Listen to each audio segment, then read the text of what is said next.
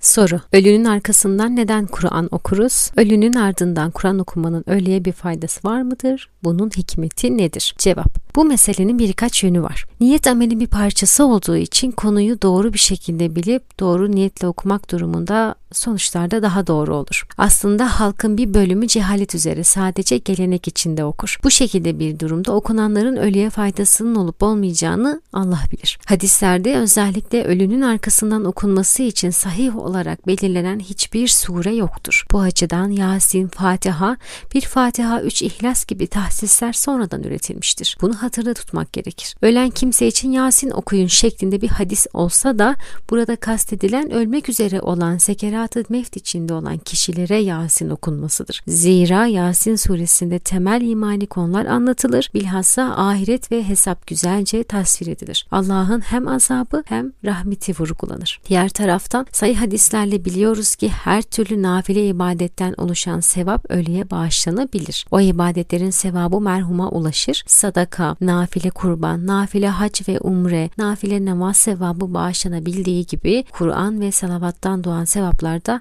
bağışlanabilir. Yani Kur'an'dan ister ayetler, ister sureler, ister hatimler okuyup sevabını ölülere bağışlamak caiz ve güzel bir davranıştır. Kur'an okunabileceği her yerde okunur. Mezarlığa, kabir başına gitmek şart olmadığı gibi orada okumakta da hiçbir beis yoktur. Yeter ki okuyan kişi Allah için okusun. Para karşılığı Kur'an okutulmaz. Oradan bir sevap doğmaz ki ölüye faydası olsun. Okunmuş sure de satın alınamaz. Kişi okumayı bilmiyor. Rica edeceği kimse de yoksa o parayı ölü niyetiyle sadaka vermesi parayla Kur'an okutmasından daha hayırlıdır. Ölü için belli bir günden sonra okunması gerektiği düşünülen mevlitin hiçbir dini dayanağı yoktur. Günümüzdeki şekliyle okunmasında da Allahu alem sevap yoktur. Aynı toplantıda Kur'an veya salavat okunuyorsa onların sevabı olur. Mevlidhan ve ilahicilere verilen paranın da dini hiçbir sevabı yoktur.